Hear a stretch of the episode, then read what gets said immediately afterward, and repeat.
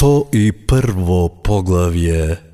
Ал-Қариа Крајот на светот објавено во Мека 11 ајети.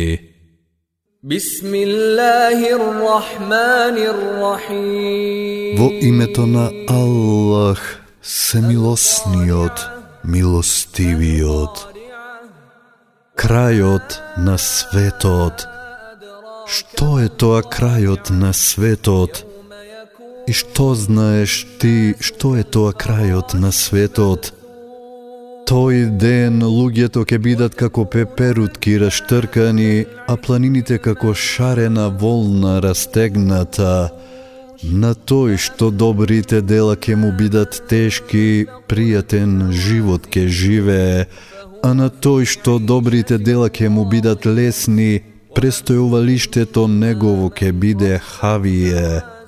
А знаеш ли ти што е тоа хавие? Тоа е огнот распламтен. نار حامية